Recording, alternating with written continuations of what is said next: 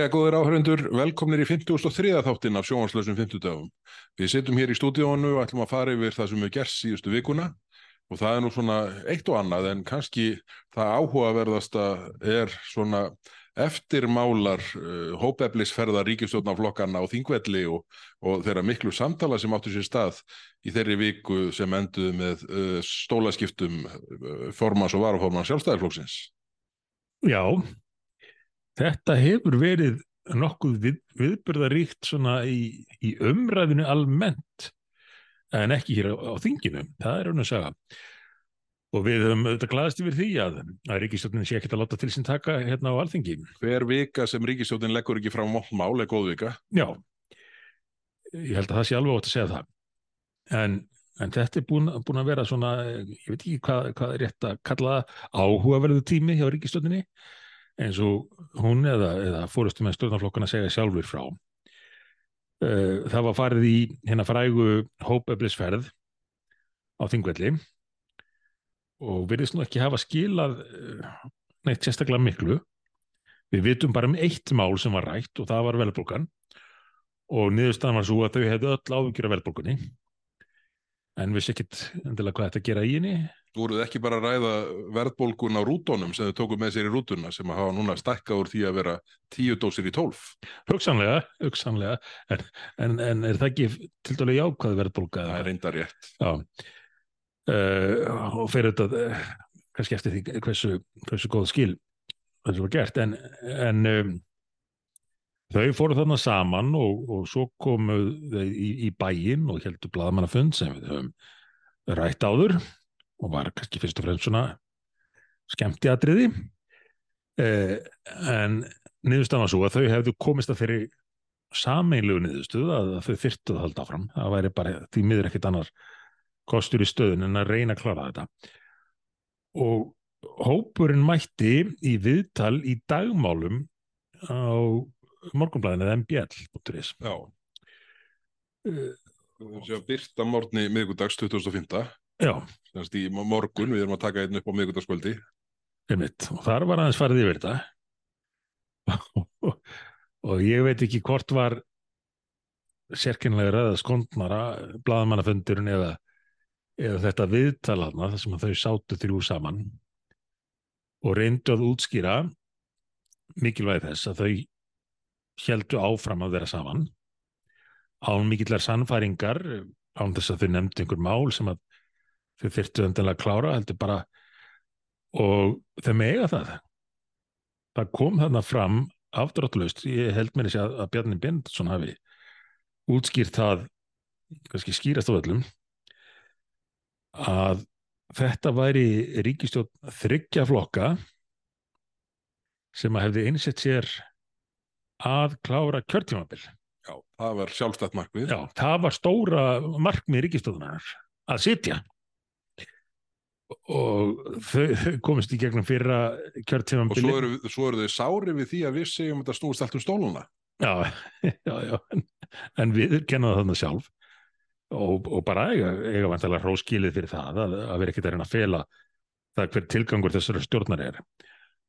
En þau komist í gegnum fyrra kjörtímabili með aðstóð uh, veiru.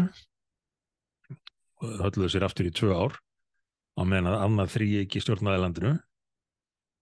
Og það fleittiði minna þetta kjörtímanbil og vandamálin hafa eftir það hrannast upp alveg stöðugt. En þarna upplýstuðu uh, almenningum það, kjósundur að þau væru samt enn að vinna af mikill einbetting og áræðinni að sínu megin markmiði að sitja Já. klára kjörtímanbilið og svo er reynt að pakka sér inn í að þarna við ríkistjónin farið í svona einhvern leitar leiðangur svona einhvern björguna leiðangur að leita að endur nýjuðu erindi sínu. Hvað, hvaða þvælir það? Bara mannst þú eftir einhverju ríkistjónin þurfti á sjötta ári að fara að leita erindi sínu. Bara ákveður eru við hérna, Vitu, hvernig lettu við hérna? Hvað höfum við gert fyrir utan ekkert? Ég velti bara fyrir mér þegar ég hlusta á þetta hvort að þau hefði ekki þurft að fara lengra en til Þingvalla, kannski til Indlands. Einhvers staðar þar inn í, inn í skó, upp í fjöll hitta einhvern svona gúru sem að gæti útskýrt fyrir þeim eða hjálpa þeim að finna erindi sitt. Já, það er nú ekki útilöku að þau hafi náð einhverju sambandi við slíkan eh, hérna, aðila því að sko niðurstaða uh, í framhaldi af þessum miklu hópeflisfundum og, og, og samtölum, þessum, hérna, hvað er þetta kallaði, hérna, uh, samtalsmeðferð, að, hérna, að það kom ekkert mál frá ríkistjóninni í heila viku eftir, að, eftir hópeflisfundin og mér sýnist í þessari viku verði mælt fyrir tveimur málum stjórnarinnar Já. og í næstu viku verður ekki mælt fyrir neinu máli. Norrlandarósting. Þannig að það verða samanlagt tvö mál á fyrstu þremur vikonum eftir þetta stóra hópefli og hvorugt er að bæðið eru teknilegseðlis, ríkisreikningur og í mannkynnsni hvert hitt er. Já, já, ríkisreikningur var kynntur sem er einmitt, en þú segir svona teknilegt mál, en, eh, en við þó ítrekkum það að við fögnum þessu. Við gleyðjumst yfir, yfir því að það komi fá mál frá ríkistöndinni. Já, það er frábært. Þannig við erum búin að gefast upp á því að að býða eftir að það komi einhver, einhver úrbætur.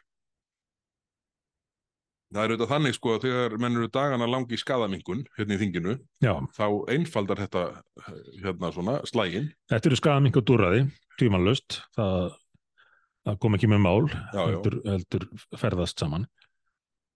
Og uh, auðvitað veitum við ekkert hvernig þetta nákvæmlega gekk fyrir þarna á, á, á þingvöldum, svo ég nefndi á þann að eina sem að kom skýrt fram í fréttum var uh, já, fyrir utan veitingarnar að, að þau hefðu rætt um, um verðbólgu.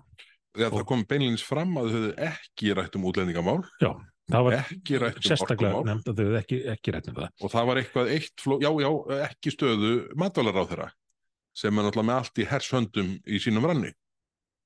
Já. Þannig að þau virðast á ákveðið um leiðuðu töluðu í gúróin í Índlandi yfir Skype já. Að bara ræði ekki um neitt að verðuðu málunum. Já, já. Það, það virðist vera raunin og e, við auðvitað e, heyrðum heyrðum sögurnar af því að e, já, ekki bara sögurnar bara, ég held að líki, sjá að segja það líki fyrir að þeirra Bjarni Benediktsson kom með þetta útspil, ef það er rétt orðið að reyna að setja einhver fordami með því að stíga þarna til hliðar. Að þá hafi verið gert ráð fyrir því að, að Vafge mynd, myndi fyrir vikið uh, breðast við. Sérstaklega held ég að sjálfstæðismenn hafi vænst þess að að það er einhverjar breytingar á uh, starfslýsingu Svandísar Sáðastóttur nú mannið ekki, var samtal Svandísar og Bjarnar leiklesið í síðasta sjónaslusa? Nei, ætlar að koma með það? Já, ég er nefnilega, ég er búin að fá hérna handritið, svona mun það ganga fyrir sig. Æja. Þetta er semst öðrum meginni Svandís Svástóttir, matvælaráþur og hinnum endanum á línni Bjarni Bendiktsson, auðaríkisráþur að núverandi. Og ætlar að leika þau eða tala bara með þinni röttu? Ég ætla bara að tala með minni röttu. Nei, það er verið skemmtilega að þú dyrir að leika þau. Hitt gæti enda út í skurri. Ég skal, næstil eh, leiklestur verður með röttum. Já. En ég held þetta muni aðvökast nokkur neginn svona. Bjarni ringir í Svandísi þegar hún er búin að fá niðurstöðu umbósmanns aðlingis og rasketlingu þar og Bjarni segir, já, já, Svandís mín, Nú er nú svona erindi mitt að minna þið á að, að ég fekk ákúru frá umbósmanni og, og hérna og ég sagði mig frá mínu ennbætti. Hvað er, erst þú ekki að hugsa þinn gang núna í, í kjálfarið að því að fá þessa rasketlingu frá umbósmanni? Og Svandís mun svara, já, nei, bjarni minn, sko, það er nú bara þannig að ég er ósamála mörgum að forsendum þessara niðurstöðum umbósmanns, rétt eins og þú varst, mm. uh, og það hvarlar ekki að mér að segja af mér vegna þessa einhverja mm. niðurstöðu sem ég er ósamála mm en gaman að þú hefði sagt að þið þínu ennbætti takk og bless. Já, já. ég held að þetta verði nokkur veginn svona. Akkurat. Og, og, og það var eitt af mörgu sem var svo undarlegt við þess aðbörður ás að Bjarni skildi tilkynna um þetta áður en hann fór einhverjar viðræður uh, við samstagsflokkana um, um endur skipulagninga og stjórnarsamstarfunu maður hefði ætlað að hann, hann hefði talað við Katrínu vinkonu sína og sagt heyrðu, sko nú er, nú er þessi stað komin upp. Við hérna í ríkistöndinu getum varið næstu tveimur þreymur vikum í, í að verjast einhverjum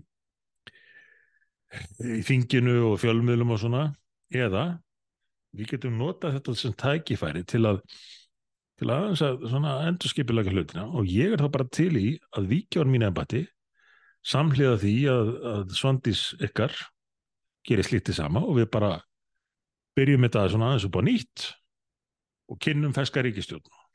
En nei, það var ekki þannig sem það var gert, hann tilkynnt þetta bara og, og þá virtist vænta þess að Vafge myndi sína þakklæti sitt með því að, að endur með þetta hvernig, hvernig verkaskiptingu væri best háttað.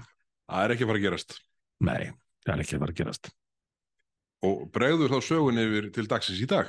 Já, Eh, Það var, eh, í morgun var sem sagt byrt þetta dagmála viðtal, það sem þau svona hópföðmuðu hvort annað í hérna og reynda að útskýra að það var allt í listarnar velstandi. En síðan um kvöldmáttarleiti byrtist ný könnun. já, Maskín, eh, könnun maskínu var byrt á stöð 2 og, og þar sem sagt er yfirskriftin stuðningu við ríkistjórna svipaður og við samfélkinguna, sem samanlæðu stuðningu við ríkistjórnaflokkana. já, En það sem er kannski áhugaverðast er að þarna er viðtal við Katrínu Jakobsdóttir fórsetisráðherra sem er algjörlega ósamála Katrínu Jakobsdóttir fórsetisráðherra sem talaði í dagmálum í morgun Já. Um ástæður þess alls ég tók til þessu, akkurat. og hérna uh, Katrín segir hérna við liggjum mjög lágt nú myndi ég aftur En, en, en, en fyrir hlustundu sem er ekki búin að horfa á dagmál, ef við rifjum aðeins upp hvernig fósittisráð hann talaði í þættinum sem byrtist í morgun. Það var alltaf þá leið að, að þetta samstarf gengi svona ljómandi vel og það væri stert umboð stert og, og umboð. mikill vilji til áframhandi samstarfs og, og það- nú þetta er bara svona aðeins að svona nikja á ákveðnum verkferlum. Já, og, og þá er þetta allt saman í syngjandi fínustandi og það var ekki ósætti.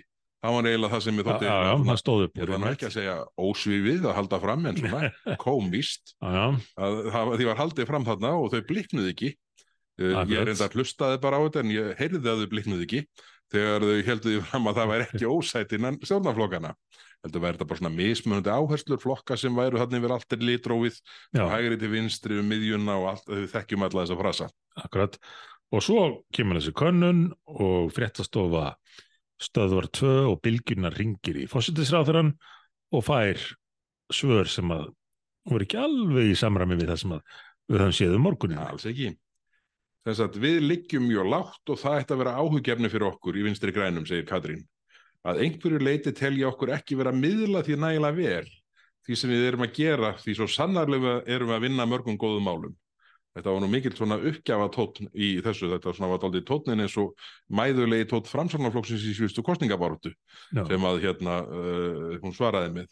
En þetta er sem sagt, þau- þeim er ekki að takast að miðla því nægilega vel með hvaða hætti sósíalískar áherslur þeirra eru að ná fram. mhm, En svo heldur Katrin hér áfram uh, spurða því hvort skýringa segja leita í samstarfi stjórnarflokkan undanfæri misseri og nú erum við að muna hvernig sko samtali átti sér stað í dagmála þætti morgunblassins sem var byrtur bara í morgun. Já. En undir kvöld matt svarar Katrín því til að segir ég held að þessi ágreiningur sem hefur verið millir stjórnarflokkana sé ekki endilega falla þjóðin í geð. Ég held að við munum sjá breytingar á verklagi og vinnubröðum millir stjórnarflokkana sem munum skila sér í góðum og jákvæðum árangri, segir Katrín. já. Þetta er, uh, Þetta eru býsna margar gráður á einum sólarheng Þetta er stemmingi. 180, að Já. þá svona 178. Þetta er, hérna, þetta er mjög áhugavert að, að svona, það virðist, hún virðist sjokkerast yfir þessum tölum. Þannig eru komin, eru 5,1% fylgi Mhm. og virð, Katrínu virðist ekki líða vel. En þarna auðvitað segir hún það sem blasir við öllum að það er bullandi ósætti innan Já. ríkistjórnarinnar og Já. fólk kemur sér ekki og þeir sem þar starfa ekki saman um nokkurt mál. Og þetta mun Já, alltaf land og já. þjóð bara borga fyrir þegar við lendum hér í á, uh, viðvarandi og, og, og orkuskorti sem mun ágerast, svandi sem með sjáursmálinn í Já. uh, við erum með matvalar á þeirra sem er á móti innlendri kjötframleyslu, uh, Mhm. ríkisfjármálinn stjórnlaus hvað útgjöldin varðar og svo mætti lengi telja og útlendingamálinn, guð mig góður, Já, já, sem voru ekki nefnd eins og, og framkom. Hvernig er hægt að eiga svona, vi, þetta var í raun viku hópefli sem endaði bara þarna á þingvöldum og þau rættu ekki útlendingamál og rættu ekki orkumál og rættu ekki mál matvalar á þeirra. Hvernig er þetta hægt? kannski er þau að reyna að fylgja stefnunni ignore the problem and it will go away. En það er ekki alveg gengið eftir enn sem komið er Já, ef framheldur sem horfir, þá mun sko vandamáli vinstri grænir hverfa eftir tvö ár í síðasta lagi ef framheldur sem horfir. En það vekur einmitt spurninguna og, og, og þessi tilvitnum sem hann last í, í Katrínu. Ef að raunin er svo að hennar mat eftir þessa könnun sé það að, að ósam, ósætti í ríkistjórninni sé megin orsug vandans og það þurfa að gera breytingu þar á. Það þurfa að reka uh, stjórnarflokkana í, í réttina og, og í sama hólf. Uh, hvaða, hvaða áhrif mun það hafa á, á stjórnarsamstarfið þegar að VFG með sín 5% eða hvaða var fer að útskýra fyrir framsóknar og sjálfstæðisflokki að þetta sé nú bara ekki nógu gott ríkistjórnin sé með mjög takmarkaðan stuðning og þess vegna verði allir að hrista sig saman en betur en á þingvöllum reyndan miklu betur og þá vantanlega hvað fylgja stefnu við VFG Það verðist vera eina leiðin sem að hún sér út úr þessu. Já, og, en hver, hvernig bregðast hinir við? Okay, við vitum það, svona í ljósir einslunar að, að framsóknarflokkurinn uh, eins og það var orðað svo vel í einni fréttin um ágrinning ríkistjónarinnar framsóknarflokkurinn býður átekta og hann mun vilja sjá hverju hver verði ofana og, og hverju að fylgja til að að vera með áfram. Sjálfstæðismenn hafa, og við höfum nefnt það í nokkrum fyrir þáttum, stundum líst gremju sinni og uh, sagt þetta gengur ekki svona lengur. Og nú er þetta samstæð bara búið nema það verði breytinga og allt þetta. Svo gera það aldrei neitt. Þetta þýðir ekki neitt. nýjasta dæmið þetta formarið þeirra sem að, sem að víkur og embætti að hans að fá neitt fyrir frá samstæðsflokkunum eh, þannig að spurning mín til þín Bergþór er þessi ef að eh, fósittisráð fyrir hann var reynskilin í þessu viðtali og ætlar núna uh, þessu setna Mm -hmm. verður ekki að meða við sko nýjustu uh, það er sangjart. nýjustu upplýsingar, nýjustu setningarnar frekar en það sem að komið fyrir Við miðum við nýjustu Katrínu. degi síðan, já þannig ef að, ef að nýjustu yfirlýsingarinnar eru réttar og hún ætlar sér að að þjappa ríkistundinu saman og uh, losna við þennan ágreining sem að greinilega bytnar á stuðningi við stjórnina að þennan mati. Uh, hvernig munu sjálfstæðismenn bregðast við þegar það verður útskýrt fyrir þeim eina ferðin en að nú þurfum þeir bara að fara að hafa sig hæga og, og gera eins og VFG vill? Sko nú kemur nú bara upp í huga mynd svona það sem ég, ég nefndi í tengslum við kval, kvalveiðbannið á sínum tíma að orð geta verið ódýr og það fyrir nú að stýttast í að vísna stór hluti þingflokk sjálfstæðarflokksins finni sér þeirri stöðu að hafa sagt eitthvað mjög afgerandi uh, bara á þessu uh, síðan síðasta þing fór heim. Án þess að það sé neinn innistæða fyrir þegar reynir á. Já, já, þannig að, þannig að ég uh, myndi nú svona telja líklegast að stórum hluta þá bara uh, kingiðu elunni og, og fallist á að verja næstu tveimur árum að lífi sinu og, og þingferli í að uh, keira áfram mál vinstri hrefingarnar græns frambús.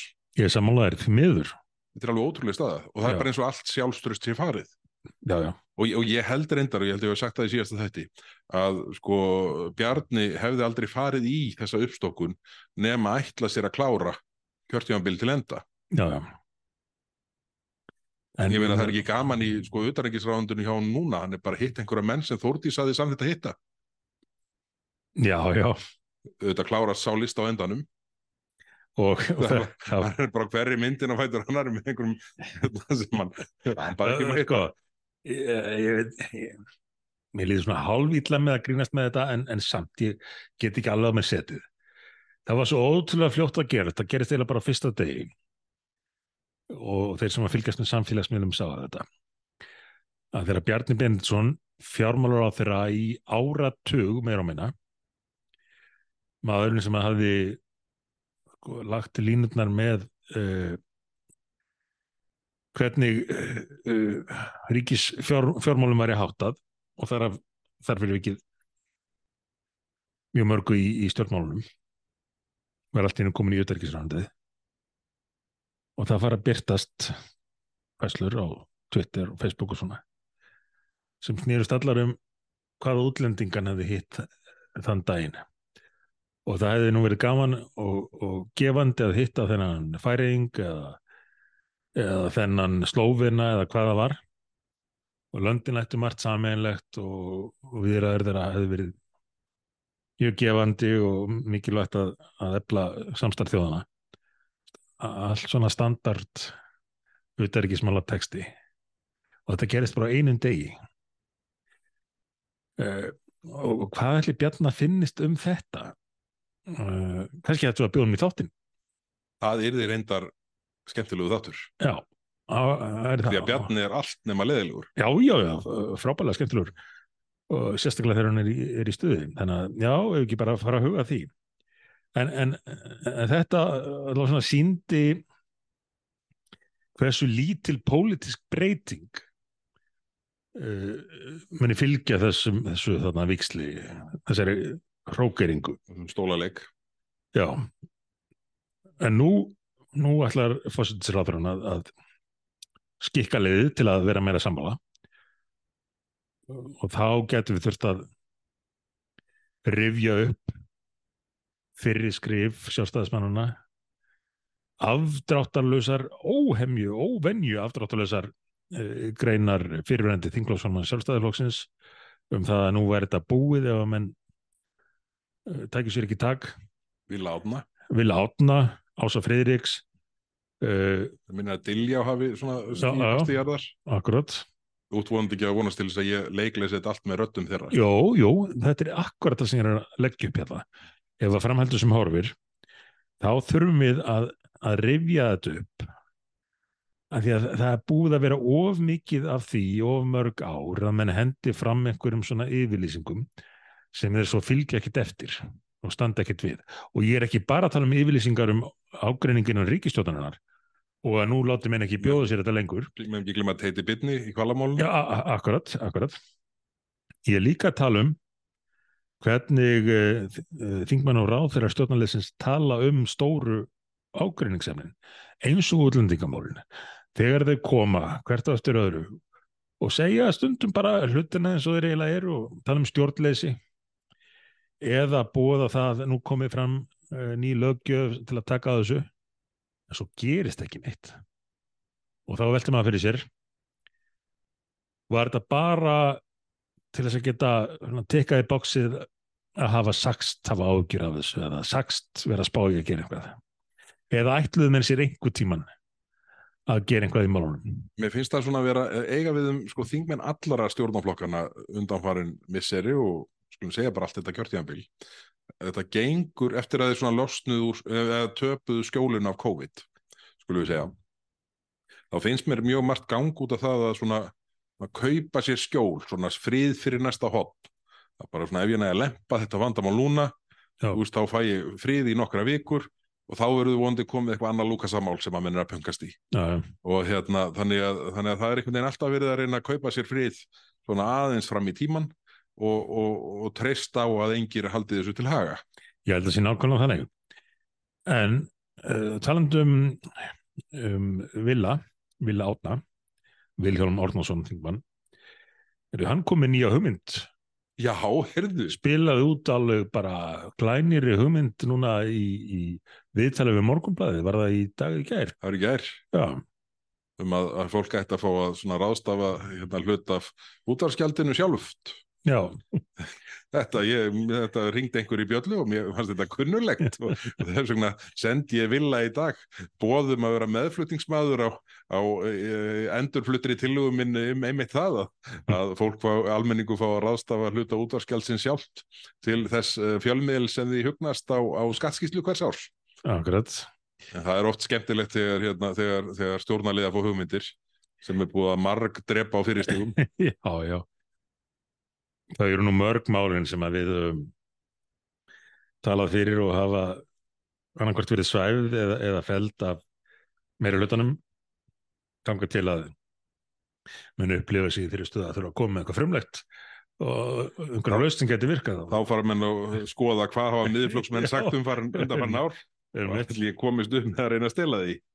Herði, en þá dettum við til hugar að því að hérna, þá er nú sagt frá þessi leiðara morgunblassis í morgun og sem sagt þessum ný, nýju hugmyndum Viljáms Árnasonar sem eru góðra gældaverðar að því að, að því að við hefum uh, í nokkur ár lagt fram uh, svo sem útfærða tillegur í þessum efnum. Já. en þá eiginlega verði ég að fá að nefna grein sem byrtist í morgunblæðin í gær eftir hana Andriðu Sigurðardóttur sem er blaðamaður á morgunblæðinu Já, og hérna og hún er hérna uh, hún er sem sagt uh, nýjorðin móðir mm og, og þessi grein sem er á blaðsíu 16 á opnunni eftir leiðaropnunni í, í þriðutasmokkanum uh, skrifa er, yfirskriftin er forréttinda feminismi og jafnrétti sumra. Mm og Er, þarna er, er hún að semst lí- byrt sem aðsend grein? Já, þetta er aðsend grein. Já, já, Hún- er í fæðingarólufu núna. Já, já, já, já þarna er hún að gaggrina fyrirkomulag fæðingarólusins sem er einhver ömurlegasta forsjárhyggja sem að þessi þrótaríkistjótt sem við setjum uppi með hefur kert í gegn. Þar sem að það eru sko fóröldur eru þvingaðir til að skipta fæðingarólufunu með ákveðnum hætti. Þannig að þeim hætti sem einhverjir hérna, akademikar upp í HÍ uh, gera kröfum að, að sé raunin. Mhm. og, og, og það sem að, það sem að hérna, Andrea lýsir svo vel þarna eru neikvæðu áhrifin sem þetta hefur á marga fóreldra sem eru til dæmis eh, hafa ekki eh, maka til að, að hérna, styðjast við í, í sínu uppeldi og þar hafndi gotorum Já, já. þá falla dauðir niður fjórir og halvu mánuður af fæðingarólofi Mm og hvernig getur það verið barninu til góða sko, er einhver sem raunverulega trúi því sem er ekki bara stækasti kommunisti Mm. að fóröldrum sé ekki best treystandi fyrir því að ráðstafa fæðingarólofi sem að kemur úr, úr ofnbjörnum sjóðum Sko, fyrir okkur þá, þá blasir það við uh, að svo hljóti að vera raunin en, en við erum samt að horfa upp á það í mjög auknum mæli að nýja vinstrið telur ekki aðeins að einstaklingurinn sé ekki sérstaklega vel til þess fallin að fara með sín fjárráð og, og ákveða hvernig hann hátta lífi sinu Já, þú segir nýja vinstrið, sjálfstæðisflokkurinn samþýtti þessa dellu. Æ, já en uh, þú veist, þá hef, hef ég þá skýringu að ég sagði aldrei að sjálfstæðisflokkurinn til er ekki nýja vinstrunu Nei, Það er rétt, ég, Ég- Eh, ég fór fram úr mér. og, eh, og, og, og svo einstæðan með, með fóraldra og rétt þeirra til þess að ráða uppeldi barna sinna. Og uh, luti af því er auðvitað að fóraldrar eigið hafa rétt á að meta uh, og að mista kosti vita af því sem að verið er að kenna börnunum þeirra í skóla. En það hefur aldrei ekki verið raunin núna upp á, upp á síðkastið, þvert að móti eins og rakið var hér í þætti að uh, skóla yfir völd, sérstaklega í Reykjavík, hafa sendt út erindi þess efnis að ekki eigi að veita fólaldunum upplýsingar um, um það sem að verið að kenna börnunum þeirra á, á alveg sérstaklega viðkvæmu sviði og þannig er ég að tala um uh, kynlífs og, og, og klámfræðsluna fyrir börn í, í Reykjavík og raunar líklega á landsvísu því að málið varðaði bók sem gefin var út af uh, mentamálastofnun. Þannig að þetta er nýja viðhorfið að ríkið eigi bara að ala upp börnin og raunar fullorna fólki líka og uh, ákveða að sem allra mestu leiti hvað fólk gerir og hvernig það nýtir tekjur sínar eða hversu mikið af tekjunum uh, fólk fái að, að, að halda eftir og það sem það færi að halda eftir það er, svona, það er bara litið á það sem gjöf frá ríkinu. Ríkið eigi þetta. Þetta, eru, þetta er sérstakur kapli í fjárlögum hvers árs. Það eru skattstyrkir. Já, Það já. er beinlínis ógeðslugu kapli sem, sem, sem, sem sko segir bara afstæða fjármálaráðanitsins er við eigum þetta allt. Já, já.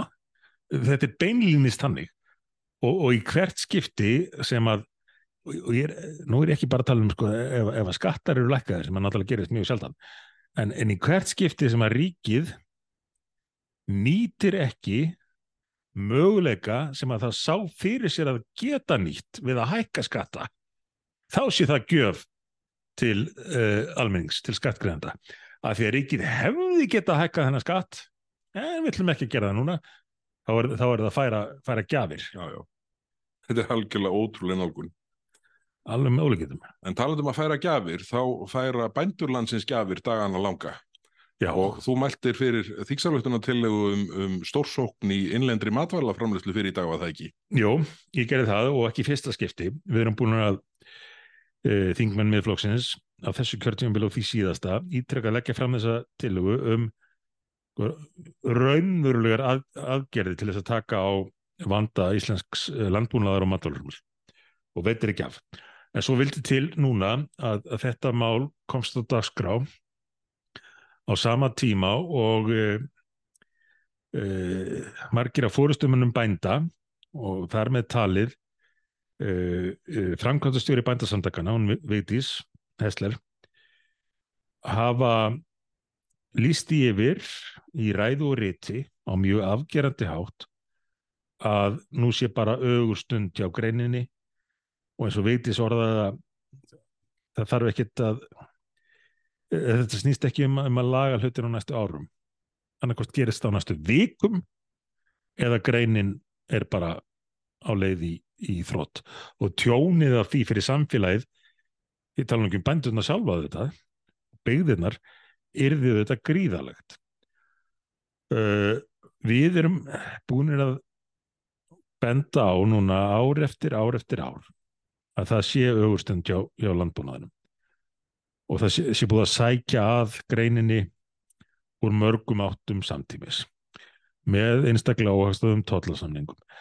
Með uh, óhagstöðum uh, uh, samningum um búverur sem að sem að já, ger ekki ráð fyrir sókna minnstakosti heldur frekar svona að greinni að dragast saman. Með skýrslum til erlendra stopnana við nú rætt það hérna áður hvernig, hvernig þessi ríkistönd vilist sjá landbúna fyrir sig sem bara svona eiginlega til óþörstar uh, með allt regluverkið sem að íslensku landbúnaðar þarf að fylgja í miklu ríkara mæli heldur en landbúnaðar erlendis sem að þó er í samkeppni við innlöndu framlæsluna hérna þarf að ráðast í gríðilega dýrar aðgerðir á þessum fjölskyldubúum til að uppfylla það sem henn kalla stundum gullhúðar kröfur íslenska stjórnvalda á meðan menn ger ekkert slíkt í, í hinnum löndunum löndunum sem að verður að opna á innflutning frá í, í, í síöknum mæli.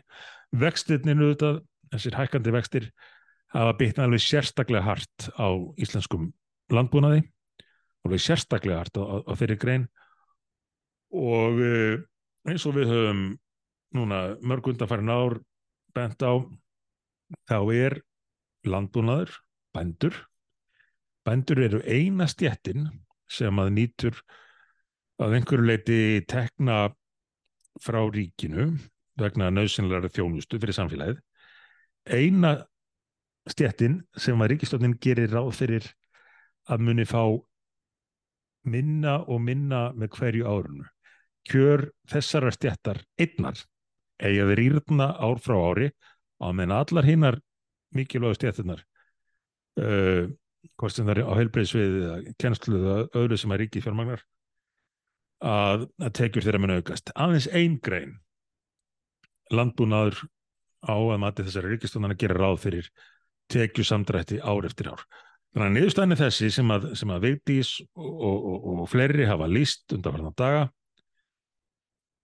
Uh, annarkort tekur ríkistjóðin sig á og bregst til varnar fyrir landbúnaðin með grundvallar breytingum með, já, ég held að það kalli í raun á neyðar aðstóð í, í, í bíli eða greinin bara fjarar út og það verður mjög dýrt fyrir samfélagið ef það, það fær að gerast. Já, já. Ég var nú að koma, það voru verið að opna nýja brú um Þorskafjörð uh, fyrir vestan í dag og, og ég var á leiðinni tilbaka þaðan þegar ég hlustaði á hérna, umræðunar um fram, uh, framsúuna og umræðunar í kjálfræðið. Mm. Ég reknaði nú með röð vinstri græna framsóknarmann og sjálfstæðismanna þann upp Já. til að taka þátt í þessar umræðu enda hefur verið fátt um fína drætti frá matvælar á þeirra uh, þessara ríkistjóðnar í þessum efnum. Já, já.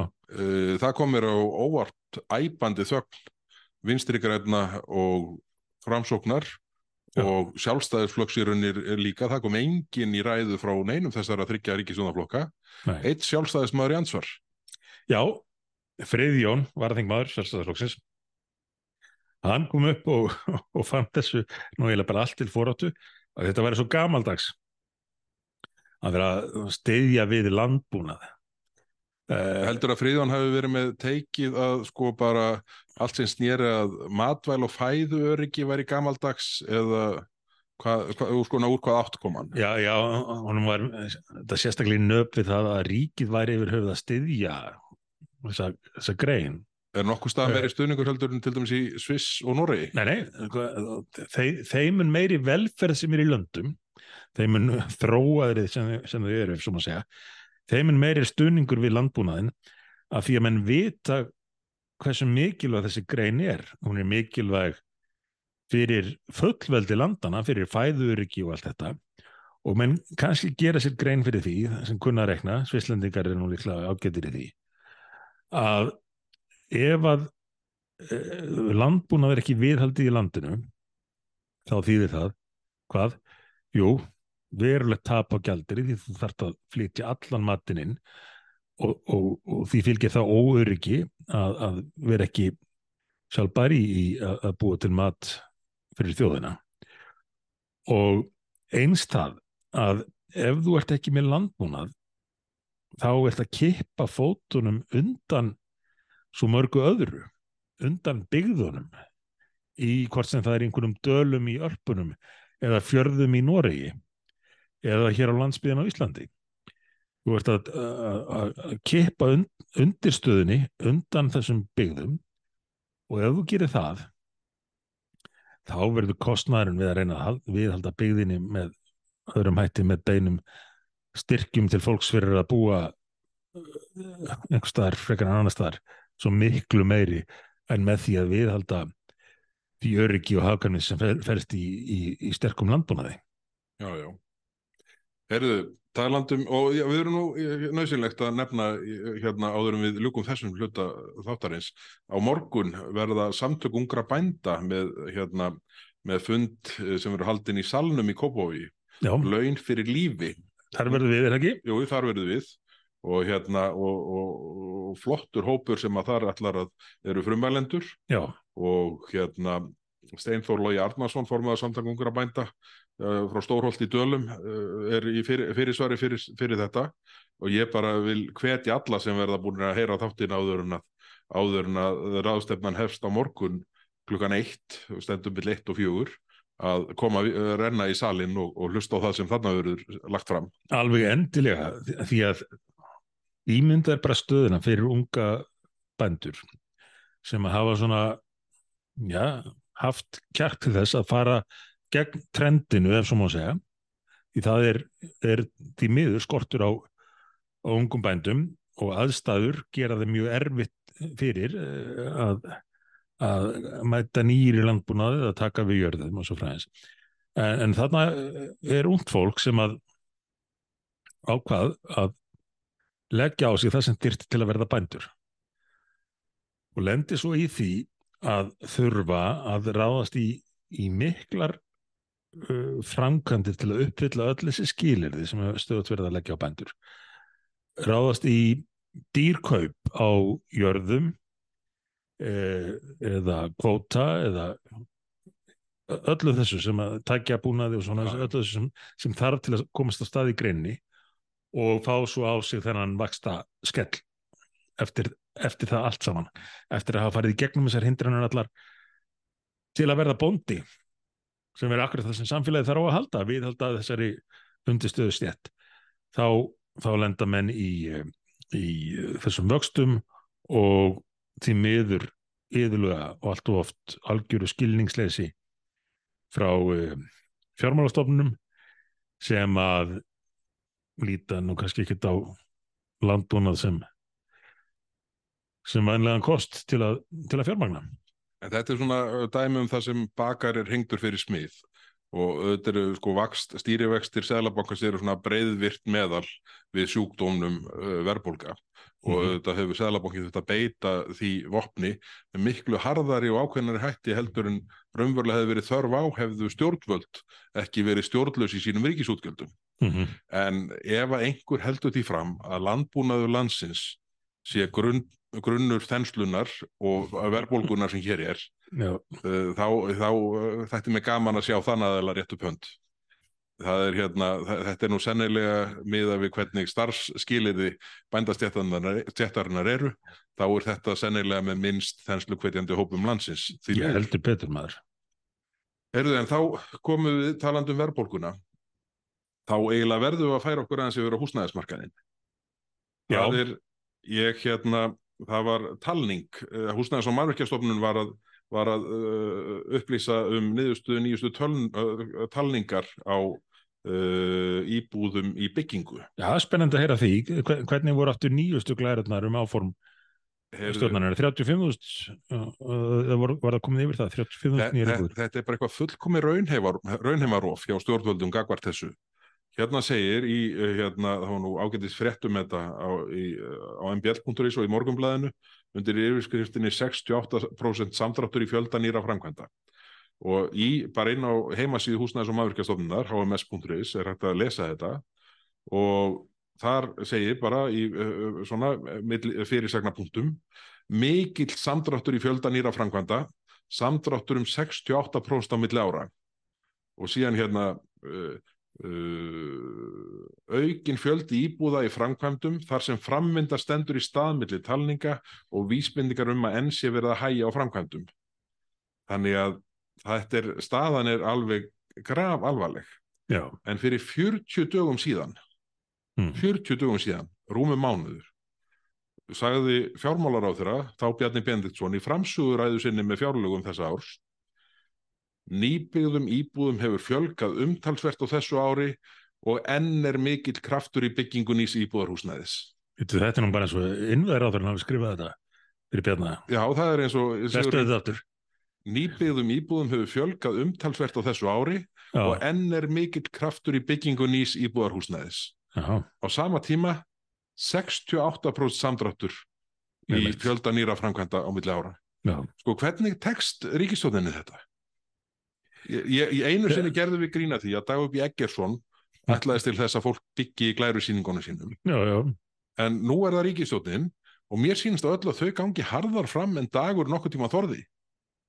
Það að þessi 48 dagar á milli þess að fjármálar á þeirra segi mm Mhm. hér er allt í blúsandi sving einmitt. í uh, nýbyggingum uh, hvað, í, íbúðarhúsnæðis Já, já, og svo bara hérna mætir sko HMS og þeir fara sko raunverulega og telja sko þetta er gamla já, já, nálgun samtaka yðnaðarins akkurat. sem uh, hérna var ekki Sig- Sigur Hannesson innleiti þetta eftir að hann tók, tók já, þar Svona, einhver svona raunheima nálgun. já, já, akkurat samdráttur um 68% á milli ára Já, já, sko það sem ég vil bara gjarnan fá að vita bara hvernig, hver skrifaði þennan ræðupunkt fyrir fjármálaráð þeirra er það aðilinn sem heldur utan um það í fjármálaráðundun að meta hvernig ástandið er á, á húsnæðismarkaði? Kannski er það bara... ekki hafa þeir fengið þessar upplýsingar frá HMS fjandinn hafið það? Nei, nei, þeir En- gætu mjög va- e- erfiðlega farið úr því á 40 dögum að segja sko leggin ræðupunkt í, í framsöguræðu fjármálaráðurum og segja já, ég er allt í blúsandi svingi og fara síðan bara, er það er 68% samdráttur sko, ef ég... menn halda að ástandið á húsnæðismarkaði sé vont í dag Já, þá verður það miklu verra eftir ár, eitt og hálft, tvö. ég með þetta, tjómanlaust. Ég er bara fann að sjá fyrir mér bók, uh, myndasögu, um, um glærupúkan sem er uh, svona uh, hrekkjáttur uh, og fer á milli ráðunetta kveikir á tölvunum þegar enginn er við og skrifar punta og býr til glærur til þess að koma ráþurum í, í vandræði og fá til þess að segja einhverja tóma vitleysu. Glærupúkin náttúrulega er búin að uh, hanna og skrifa ég, hvað ætla þjórið? Svona 15 glærusýningar hjá þessari ríkistofn um, um uh, þessa stórkostlegu uppbyggingu sem sé í vöndum í, uh, í húsnæðismálum. Það var nú bara í síðustu viku að, að innviðar á þeirran var að, að tala um það að sem manstu þegar hann var að tala um hvað, hvað hefði gengið vel hjá ríkistjóninni jú, jú, jú, það eini maðurinn sem, að- sem að því fram. Það var ekki hvað síst vegna þess. komika lali já, já, að það væri alltaf fara að gerast í húsnæðismálum. Uh, og svo er þetta raunin sem varst að lýsa hérna á hann þannig að maður getur ekki annað en svona reynt að sjá þetta í skoplegu ljósi því að hitt væri of sorglegt það er og svona Púkin er þarna sem sem að hleypur á milli ráðnetta og, og, og ruglar í blessuðum ráðþörunum. sko, Svo mæta þeir rosalega kátir með, með glærutnar og, og tilkynna það að heyrðu, þetta er alltaf að fara að gerast hérna maður. Í, í síðustu viku þá var ég að búa 20.000 íbúðir, heyrðu, nú sé ég bara hérna 35.000 nýjar íbúðir. þetta er alveg galið Já, Sko þetta er hérna undirrituð undirritar vilja yfirlýsingar, samkomulög húsnæði sáttmál og hvað þetta er allt saman kallað í glæru sjónum, mm, gera ráð fyrir 4.000 íbúðum árunum 2023 og 4.000 íbúðum árið 2024. mm, Hér segir húsnæðis og manningastofnun búast má við 2.800 íbúðum, fullbúnum íbúðum í ár 2023 já, og 2.600 íbúðum á næsta ári. einmitt. Það er sko rétt fyrir að slefi yfir helmingin af því sem var kynnt hér með pomp og prakt Já, sem uh, hérna bara í rauninni bara fast formaða uh, áætlun og, og, og í raun niðurstöðu um þróun mála. já, já, 2600, nei 2800 í staðin fyrir 4000 á þess ári, 2600 í staðin fyrir 4000 á næsta ári. og, og vel að merkja á saman tíma er þessi ríkistjórn búin að vera að færa samfélagið úr því sem að áður var kallað séregnastefnan og sjálfstæðis og framsóknarflokkur töluðu fyrir áratugum saman. Það er búið. Það er búið búið. Uh, Þessi, þetta fyrirkomlag sem reyndist Íslandi svo vel uh, í sambyrðið mörgunumland að, að hér er verið stefna svo að gefa ungu fólki tækifæri til að eignast eigið húsnæði. Nú er það bara, þau eru, eru hægt að tala um það að það sé yfir kostur fyrir ungu fólk að eignast húsnæði.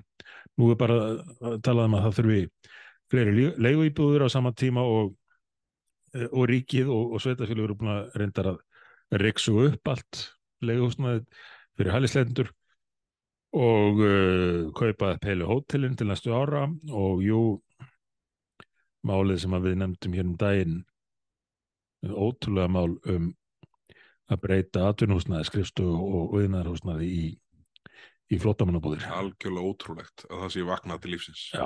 Ég held að þið dáið drottnin sínum í vor. Ég held það líka. Vi, við stoppuðum það þarna á síðasta þingi.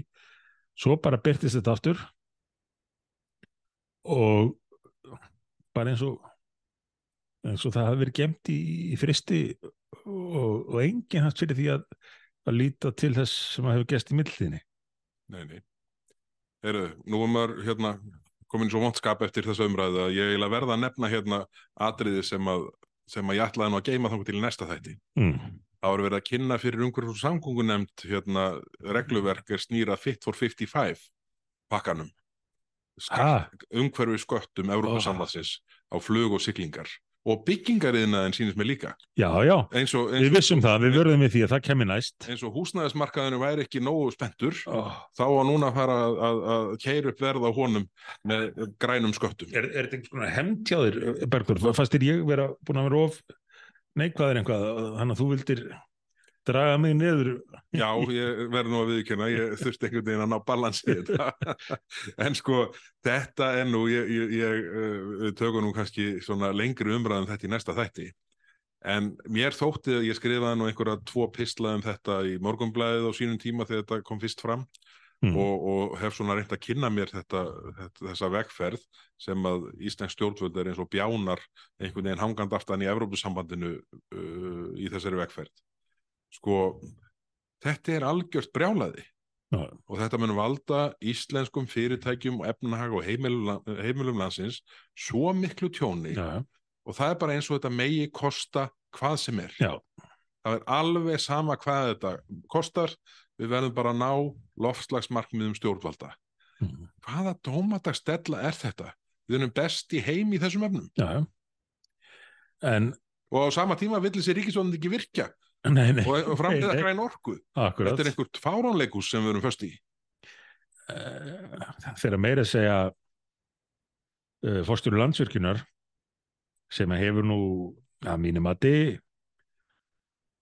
kannski stundum leiðist of mikið inn í þetta dellumakri allt saman Já, já. í, í loslasmálunum þegar meira segja hann er farin í rauninni bara hreint út að skamma ríkistundina fyrir að vera ekkert að hugað orkuframislu þá veit maður að hlutin er ekki lægi já, já.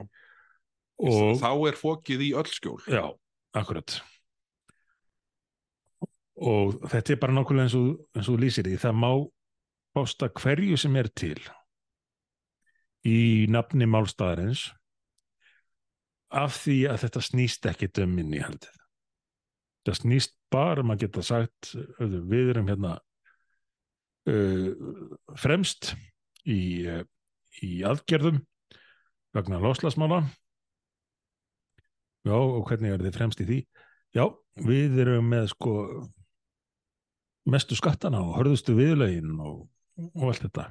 Það var meiri segja sko einmitt lagt upp að það væri svona ákveðin hvati til að hækka þessa hérna kólefni skatta og grænu skatta bara sem sjálfstætt markmið til að, til að ég, ég verð nú að þú viðurkenna, ég manst þarf að umræðina þe- þegar hérna þegar siglingaskattanir komu Já, já, uh, innviðir á þennan sagði að menn myndi ekki einu svona reyna að sækja mynd undan þá þegar þeir engan áhuga því.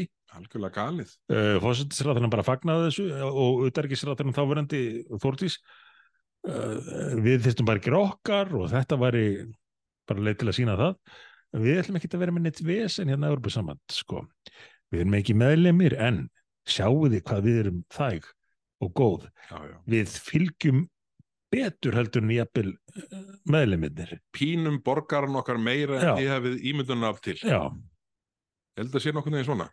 Er, en þetta er, þetta var út út úr, ég, við tökum þetta í næsta þætti. já við Ég gerum það ég og við þurfum líka að tala um nýju skattana á umferðina sem að mér finnst hafa vakið alveg furðu litla aðtekli það er semst núna bara um næstu áramót við erum að fara að taka upp veggjöld reyndar ekki bútskýra hvernig þau verði útfærið hvort að það verði einhver njósnátæki í bílunum eða hvernig minn ætla að gera þetta en, en það er semst að vera að tala um ný veggjöld án þess að lækka eldsneitisgjöld á móti Já, já. Þetta var viðbúið, við höfum varað við þessu árum við saman. höfum gert það, já Heyrðu en, við nú erum búin að hérna, taka tvö þunglindismál í röð. Þá Mhm. skulum við hérna letta tóninn. Já, Það er lands, landstingum helgina. já, sko, fyrst þú segir þetta að þú viljið letta tónin þá er ég nú bara að hugsa um að sleppa þessum blaðsum sem ég er með hérna um ástandið í, í Ísrael ég held að ég láti það bara býða Fram í næsta. Já, því að maður verður náttúrulega bara þunglindur að hugsa um þetta, hvað þá að tala um þetta en, en ég hafði hugsað mér að ræða aðeins ekki ekki ástandi þarna í Ísrael og Gaza, við sjáum nóg um það og heyrum það er hörmungar allar. En, en ég þarf í næsta þætti þá að fá að, að tala aðeins um hvaða áhrif þetta farið að hafa á Vesturlöndum. Hjá uh, alls konar öfga mönnum sem að verðast vera fleiri heldur en margir kannski gerðu sér grein fyrir hér og þar með talið í, í háskólum austanhafs og, og vestan ótrúlega hlutir sem við höfum séð gerast þar undanfarnan dag en, en við látum það býða því að við viljum taka upp léttara hjal og það er vissulega ánægjafni og, og ástæð til að gleðast yfir því að við erum með fjórða landsting miðflokksins, er það ekki? Jú. Um helgina uh, ég held þar stuttaræðu á lögadeginum klukkan eitt held ég en við verðum Og- streymt fyrir þá sem Já. uh, verða ekki á fundinum. og svo menn meiga mæta þarna að þeir vilja uh, til að horfa á ræðuna hvort sem þeir eru skræður að þingið eða ekki eða geta séð þetta á, á netinu en þetta er á, á Hotel Esju hvað kallið þið unga fólkið það núna? Við unga fólki kollum að Nordica. Já og þar munum við fara yfir stefnu flokksins og þetta eins og gengur á, á svona fundum og leggja línutnar um framaldið og ég uh, lít nú á þetta sem mikið tilhökkunar efni og ég er ekki bara að tala um út af sóknarfærunum í politíkinni með, með svona ótrúlega vandræða gangi í ríkistöfnarnar heldur líka vegna mikilvægist þess að svona einhver heilbriði skinnsemi common sense nái uh, að sækja fram í, í pólitíkinu á Íslandi. Og þarna ætlum við að stilla saman strengi um hvernig það verður best gert. Og ólíkt uh, samstillingafundi ríkistöðunar á þingvallum þá munum við raunverulega ræða málin mörg mál og, og allt mögulegt og mæta svo til leiks hérna í, í, þinginu uh, velbúnir í alla umræðu Já, þetta, þetta verður góðu dagur, ég, nei, góð helgi segi ég, ég held að, held, við, við líka finnum bara svona, svona meira því sama, bara það sem er í deglunni helst í dag og undanfarnar vikur og mánuði, eru mál sem við erum búin að vera hamra á fjögur, fimm, sex ár. Já. Það er eiginlega sama í hvað áttu horfum. Og uh, þakku nú þetta bara Vilhelm Átnarsinni fyrir að taka upp rúmálið okkar í gerð. Og hérna, og þetta er einhvern veginn svona uh, maður skinnjar svona meiri eftir spurn eftir meiru frá okkur Já. þessa dagana. Og því ætlum við að skilum helgina. Heldur betur. Og hafa gaman af. Þannig að við mætum hérna alveg galvaskir eftir helgi á þingið og vonum bara að, að, að það verði framald á að ekkert komið frá ríkistjóninni og já, já, því minna því betra. Já, og við getum værið tímanum í, í, í að ræða einhverju alvöru lausnir og, og, og það hva, hvað snýr upp og hvað snýr niður í samfélaginu. Þetta ljóma vel. Ætti ekki minn eitt nöldurhóttn í dag, Bergþór? Ég, ég bara ræði ekki við það eftir Fit for 55 sem bónus eftir húsnæðisumræðina Já, mitt, það, Þannig að hérna En ég veit hvað verður í næsta nöldurhorni sem verður í næsta þætti Já, Þannig að ég ætla ekki að týsa það spennandi Hmm. Kæru áhörundur, takk fyrir að vera með okkur í kvöld. Þetta er búið að vera skemmtilegt eins og vanlega.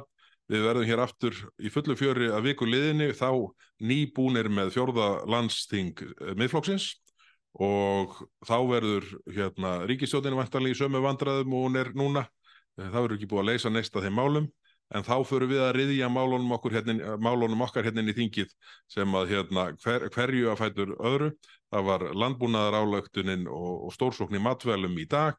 Það verður uh, frjálsráðstöfun uh, útvarskjálsins í næstu viku, uh, frelsi foreldra til að ráðstafa fæðingarólufinu eins og barninu gagnast, og fjölskyldinu gagnast best og mörg önnur mál sem að miklu máli skipta fyrir hag lands og þjóðar. Akkurat, og ég held að ég hef verið búin að tala um það í síðasta þætti líklega að það væri von á, á skupum frá okkur. Þau eru enn hér í bunkanum. Já. Þannig að það bætist við. Uh, svo útlandahotnið og, og, og allt þetta þannig að ég, ég held að stefni í, í mega þátt næst. Já, þeir heyrst það. Ég tek langa teipið með. Já, gott. Takk í dag, heyrst á vikuleginni. Bless, bless. Bless.